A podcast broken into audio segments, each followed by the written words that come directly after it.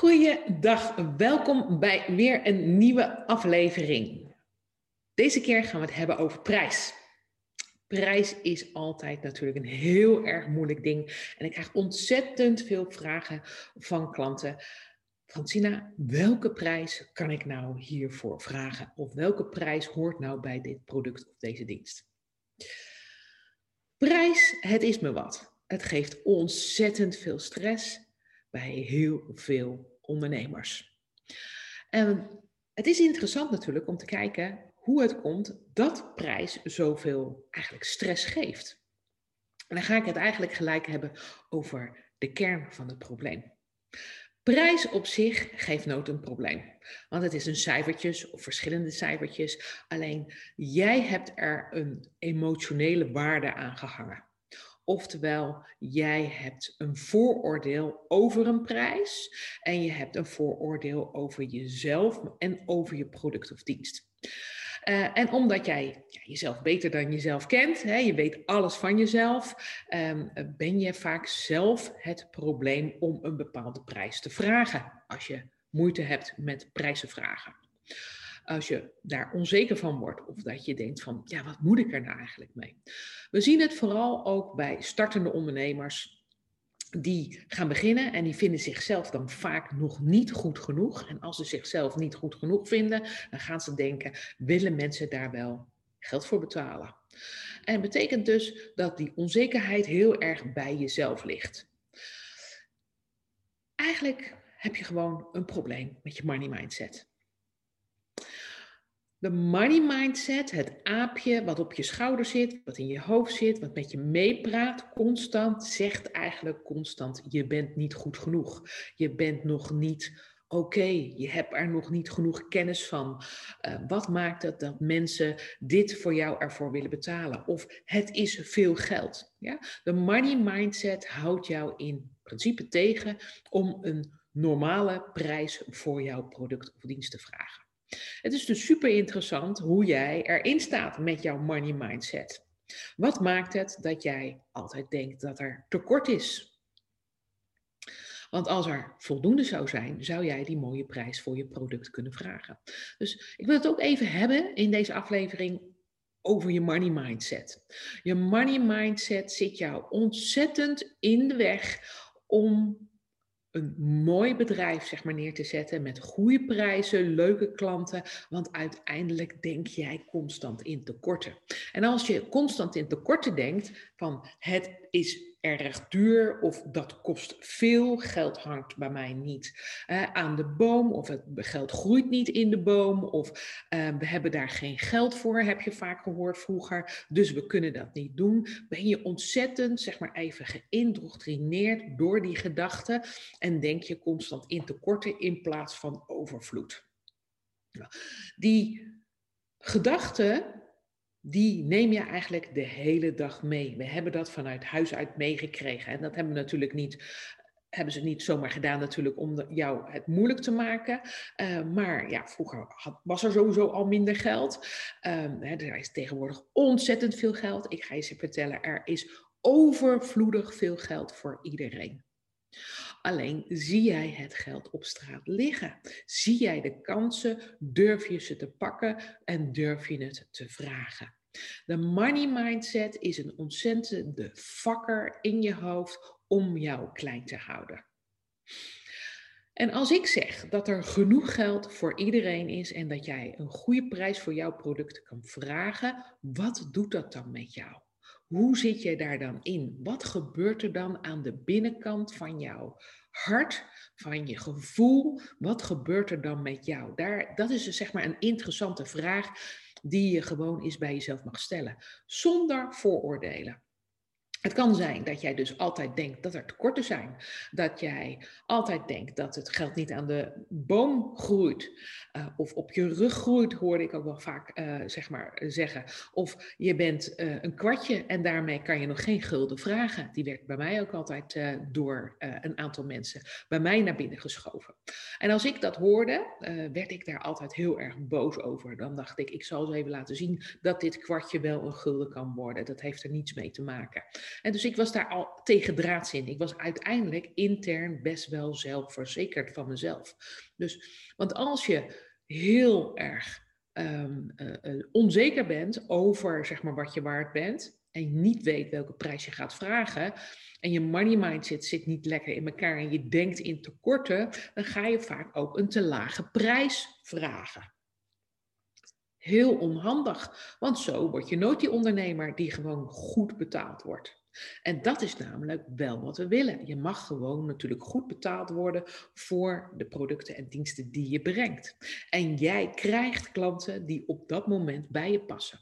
Want die andere klanten trek je gewoon weg nog niet aan.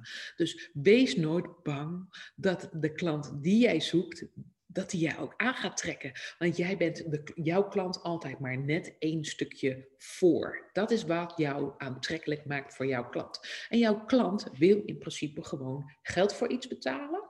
Alleen dan moet ze jou wel vertrouwen. En dan moet ze jou ook vertrouwen, zeg maar even, dat de dienst en product die je aanbiedt, dat dat, zich, dat, dat, ook goed voor haar is, voor hem is. Uh, en uiteindelijk dat dat een bepaald resultaat levert. Je weet, de klant heeft een bepaald verlangen, probleem of een pijn en die wil die opgelost zien. Of dat nou een product of een dienst is, maakt niet uit. Ja, dus als jij niet weet welke prijs jij moet hangen aan je product en, en dienst, dan mag je eens kijken naar die money mindset. Wat heb jij van huis uit meegekregen? Waarom is die zo belabberd? En hoe kan jij dan uiteindelijk met die money mindset veel positiever aan de slag om uiteindelijk zelfverzekerder in het leven te staan? Want hoe je één ding doet, doe je alles. Dus als je op één ding en dat is voornamelijk even hier hebben we het over geld, een belemmering hebt, dan heb je op heel veel andere punten ook een belemmering. Dan trek je het uiteindelijk niet aan. Ja? Ik zelf ben altijd heel erg druk met mijn money mindset bezig geweest. Ook wij hadden het vroeger niet heel makkelijk thuis. We hadden gewoon heel weinig geld. Alleen ik liet me daar nooit van de wijs brengen, want ik dacht, ik krijg het op een of andere manier voor elkaar om dit wel te regelen. Dus dan ging ik acties ondernemen om uiteindelijk dat geld te verzamelen. Maar ik wist wel dat er geld was en ook voor mij. En zo kwam het geld ook altijd naar mij toe. Dat is mij ook mijn overtuiging. Mijn moeder heeft me dan ook altijd geleerd dat alles wat je wil, dat kan je. En als je het kan, dan ga je natuurlijk ook wel eens wat meer buiten de box denken en kijken hoe je dan aan ja, uh, omzet of aan klanten kunt komen. Hoe tof is dat? Dus het allerbelangrijkste is dat we gaan leren dat jouw money mindset op dit moment dan niet de juiste invloed op je heeft. En dat we dan willen gaan kijken hoe we dat kunnen veranderen. Nou, kleine stapjes die je kan nemen is sowieso in ieder geval al elke dag je dankbaarheid opschrijven. Dankbaar zijn uh, waar het over gaat. Maar ook opschrijven hoe dat geld dan aan jou gaat kleven. Hoe dat geld naar jou toe gaat komen. En dat jij ook in overvloed dat geld mag ontvangen. Want als je in overvloed iets mag ontvangen, dan komen er ook andere dingen in overvloed naar je toe. Bijvoorbeeld klanten. En uiteindelijk dus dan ook omzet. En uiteindelijk komen er allerlei dingen naar je toe, omdat je een andere energie uit gaat stralen dan dat je nu doet. En dat is uiteindelijk hoe je dingen naar je toe trekt. We willen positieve energie uitstralen om mensen tot ons aan te laten trekken. En dan worden we namelijk meer sexy voor de klant of meer sexy voor de ander. En die wil dan aan jou ja, gaan hangen, omdat jij een voorbeeld voor diegene bent. En dat heeft al niets meer met het money mindset te maken. Want als jij die positiviteit gaat uitstralen en jij gaat uh, je mind shiften en in een andere identiteit en in een ander gevoel aan de slag, dan pas gaan die dingen naar je toe getrokken worden. En dan ook kunnen we daar affirmaties bijvoorbeeld bij uh, gebruiken om uiteindelijk natuurlijk in die positive flow te blijven en er constant bewust aan herinnerd te worden. En wat we willen is dat als we daar constant bewust aan denken, dat we het onderbewuste willen triggeren ook zo te leren denken. Nou, onderbewuste wordt door plaatjes getriggerd. Dus ik zou zeker een leuke vision board maken of een visualisatie. Of je schrijft het op met bijvoorbeeld wel positiviteit, een positieve aantrekkingskracht. Of ehm, eh, een biljet van 100.000 euro of whatever wat voor jou gaat werken. Ja? Als we daar onderbewust worden positief worden geprikkeld, dan gaan we dat ook in het bewuste meenemen. En dan zullen we onze money mindset, en dat is maar één gedeelte, ik zei al, hoe je één ding doet, doe je alles, zullen we alles uiteindelijk op een positievere manier gaan aanpakken. En dan trekken we dus klanten aan, we trekken uh, omzet aan, uh, we trekken alle dingen aan die we graag willen, zouden willen. Ja, dus dat, dan ben je, zeggen ze ook wel, aan het manifesteren. Je bent aan het krijgen wat je echt wilt. Dus uiteindelijk begint het dus allemaal hier. Hoe voelt het voor jou? En we begonnen deze uh, aflevering. Hoe bepaal je prijs? En daar ga ik even op terugkomen. Want als dit allemaal hier veel beter voelt, dan durf je dus uiteindelijk natuurlijk ook een betere prijs te vragen. Maar als we teruggaan naar prijs, is het super interessant om natuurlijk wel te kijken, wat doet mijn concurrent? En als jij duurder bent dan de concurrent, is dat natuurlijk interessant, want dan heb je ook een andere service te leveren of een andere manier van.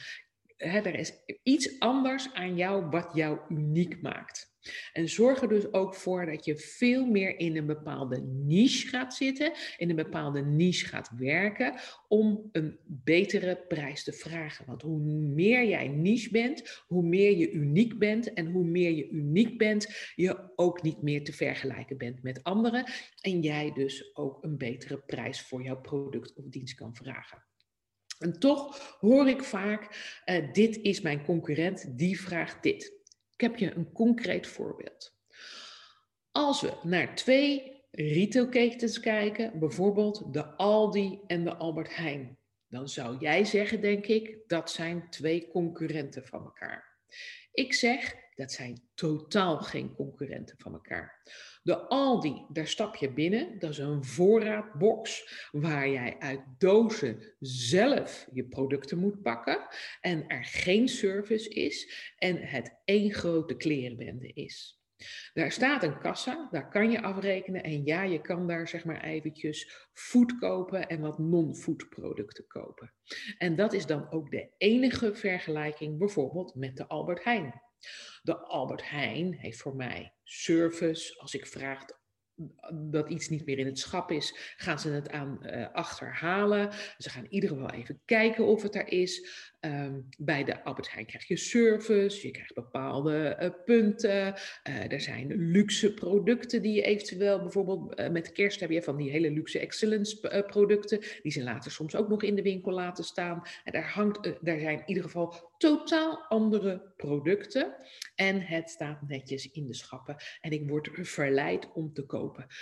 Sowieso hebben ze dus een andere uitstraling, ze hebben een andere service, ze hebben andere producten, ze zijn meer high-end en hun prijs is vele malen hoger dan de Aldi, waar ik natuurlijk hele andere producten ga vinden en ik niet die service krijg.